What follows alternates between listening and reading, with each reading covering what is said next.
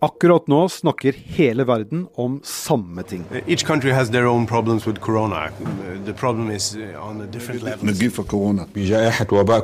Die Ausbreitung von Corona innerhalb Deutschlands.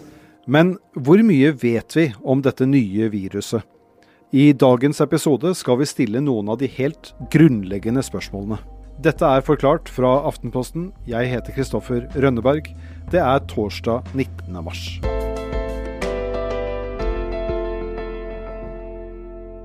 Vi er nå en gjeng som pleier å reise til Østerrike hvert år, lørdag til lørdag.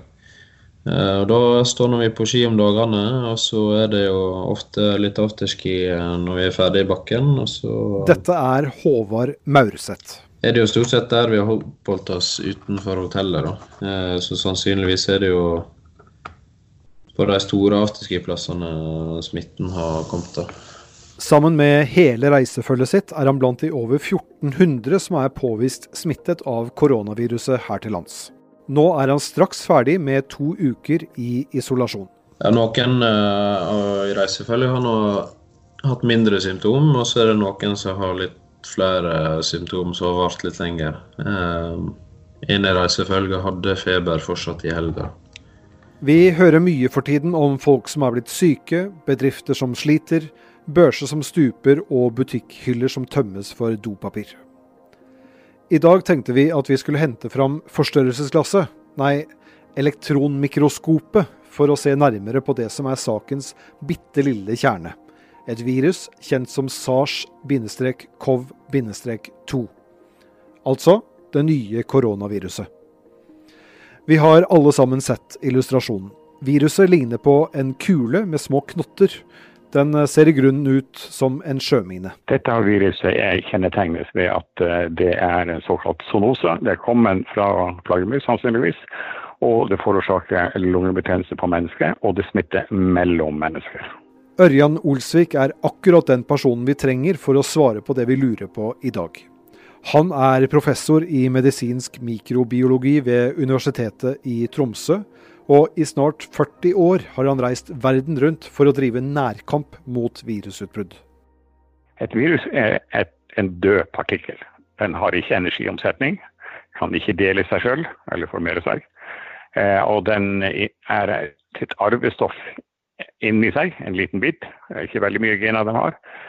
Og rundt er en, en protein-karbohydratpakke. Og utenpå der kan det være en membran som den kan ha fått med seg da den kommer ut av cellene. Så den er en form for parasitt. Den kommer inn i våre celler, lungeceller, og den tvinger den lungecella til å begynne å produsere virus. Til slutt blir det så mye virus at den sprekker og går i stykker. Og På den måten sprer man virus. Men hvis det ikke er levende, en levende organisme, hva, hva, er da hensikten med et virus? Det er sannsynligvis opprinnelig ja, noen ting vi hadde med oss fra lenge før vi mennesker kom. Men det var en måte å utveksle arvestoff på mellom eh, arter og mellom bakterier og slike ting. Eh, virus kan gå på bakterier også og, og drepe dem, men også legge igjen informasjon som kan være viktig for eh, bakterier. Så um, vi kaller det for bakterofaga. Så virus er omtrent overalt, og de fleste ser vi ingenting til. Men uh, noen få ser vi mer ofte til. Når vi hører at det har oppstått et nytt virus, hva betyr det? Er det bare at vi har oppdaget det, eller kan virus mutere og, og bli til noe annet enn hva det var før? Virus kan forandre seg. For at når det kopieres opp virus, og lager nye virus, så kan det skje feil i, i DNA- og RNA-strukturen, slik at den får andre egenskaper.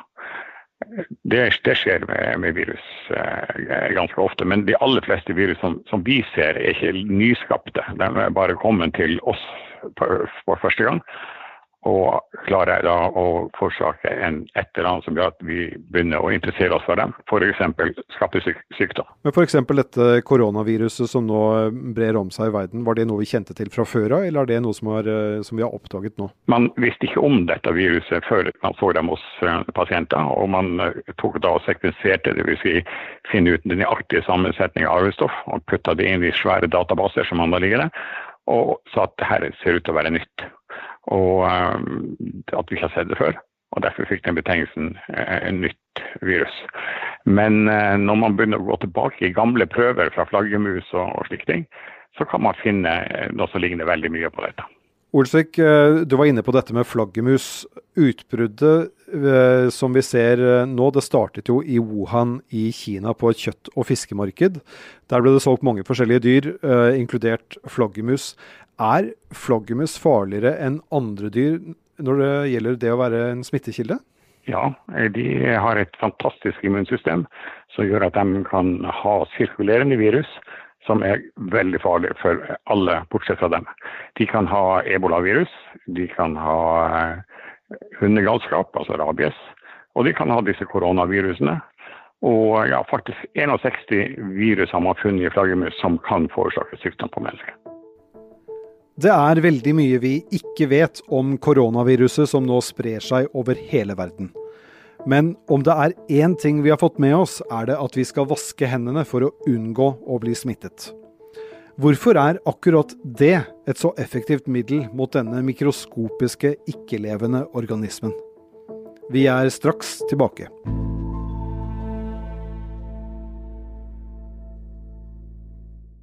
Ja, jeg er i isolasjon faktisk, og det skal jeg være eh, i hvert fall i en drøy uke til, tenker jeg. For nå begynner jeg å nærme meg symptomfri, og da kan jeg begynne å telle dager. Og da er det eh, det strengeste regimet så er vel åtte dager, og jeg har tenkt å følge det strengeste regimet.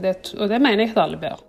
Etter en skiferie i Østerrike ble Line Noer Borrevik smittet. Fire andre i reisefølget ble også syke. Når jeg oppdaget, eller når det ble konstatert at jeg hadde smitten, så hadde det jo gått nesten tolv dager etter jeg kom hjem. Korona er mye mer smittsomt enn vanlig influensa, og noe av det farligste med det nye viruset er at man kan gå rundt ganske lenge uten å kjenne noen som helst symptomer. Man kan også smitte andre mennesker uten at man selv er klar over at man har viruset.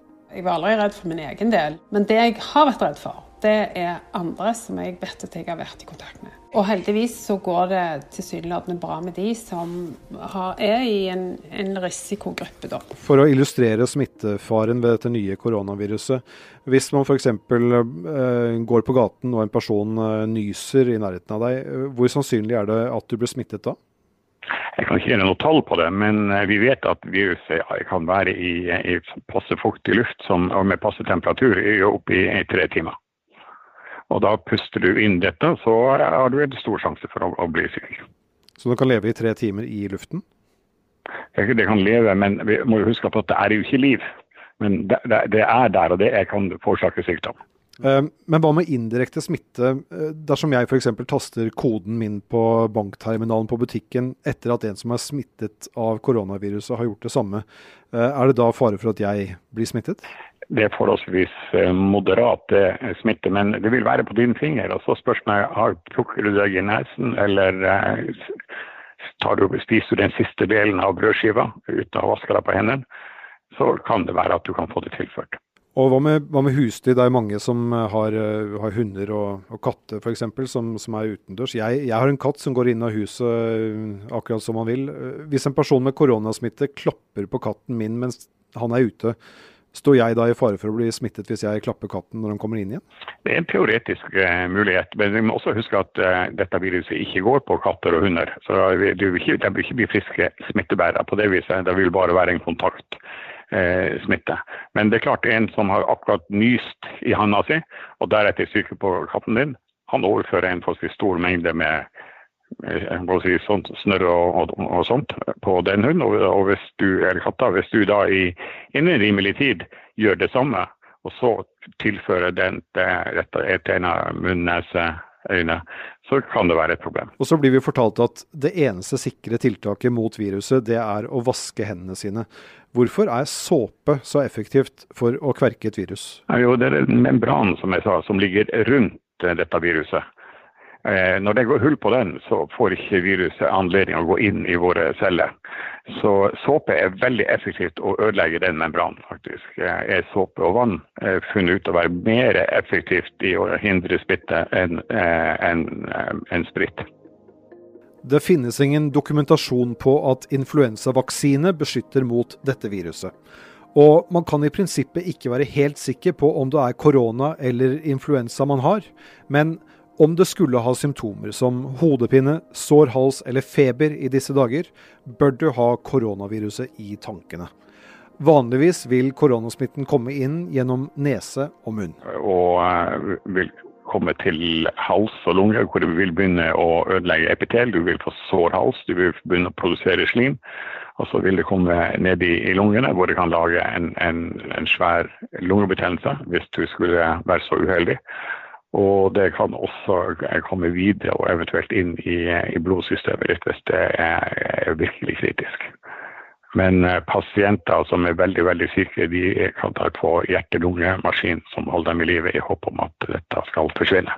Dette nye viruset det har altså SARS i navnet, og SARS kjenner vi igjen fra epidemien i Kina og Hongkong, spesielt i 2003. Ligner covid-19 på altså sykdommen som man får fra, fra, dette nye viruset, på SARS fra 2003? En del. Serious acute respiratory syndrome, som den fikk navnet på. Det var jo for at den var akutt. Veldig akutt. Eh, og man ble veldig fort syk. Eh, og det var en veldig høy dødelighet. Eh, den dødeligheten var jo helt oppe i 10% på, på SARS. Det, det, vi ser ingenting lignende på dette viruset her. Eh, det andre som var karakteristisk for SARS, det var det at selve utbruddet varte bare ca. fem, kanskje seks måneder. Eh, for det forsvant eh, av seg sjøl. Men i behandlingen av SARS den gangen, hva lærte vi som kan være nyttig i, i håndteringen av dette nye viruset? Det er at den lungebetennelsen kan være veldig alvorlig og, og komme ganske fort på og at de aller fleste som blir så syke, trenger medisinsk hjelp og bør bli lagt inn på, på sykehus. Vi var inne på dette med å, vaske hendene som et eh, effektivt tiltaksmiddel. Hvorfor finnes det så mange måter å drepe bakterier på, men så få måter å drepe virus på? Det er at bakterier er levende vesen. Virus er jo døde partikler. Og eh, et levende vesen kan du drepe ved å tilføre enten gifter, eller du kan ha T-enzymer som ødelegger vitale funksjoner, som f.eks. celleveggen, DNA-syntese og slike ting. Men viruset har ikke noe DNA-syntese eh, i, seg selv. Det kommer på først da når den kommer inn i cellen til, eh, til våre. Så det er en del antivirale midler som testes ut. Eh, og vi har jo hatt veldig suksess med antivirale midler mot f.eks. hiv-virus. Så um, det har vært eksperimentert med, med slike ting. Men det er ingenting som er klart og tydelig i, den, i disse dagene. i. Vi hører at en vaksine mot dette nye koronaviruset kan ta mer enn et år å utvikle. Hvorfor tar det så lang tid vi får jo en ny eh, influensavaksine hvert år f.eks. Ja, men uh, det er et helt nytt virus. Uh, og når vi får nye ting og skal lage nye vaksiner, så må vi gå veldig grundig til verks. Vi var litt hastverk i, da vi hadde 2009 svineinfluensa. Da ble det laga en vaksine forholdsvis fort. Den hadde noen shortcut i godkjenningsprosedyrer. Og resultatet var at vi fikk en, en del mennesker som fikk eh, skader pga. det. Spesielt barn som fikk narkolepsi etter, etter vaksinasjon. Så eh, jeg tror ikke man, man, skal rushe voldsomt mye eh, på, på det å vaksinere en hel befolkning. Det kan være at man kan finne en sånn vaksine som man kan bruke på eldre og, og syke som kan beskytte dem, for det er de som virkelig trenger beskyttelse. Og at man der kanskje har litt større slingring på, på, på tidsaspektet.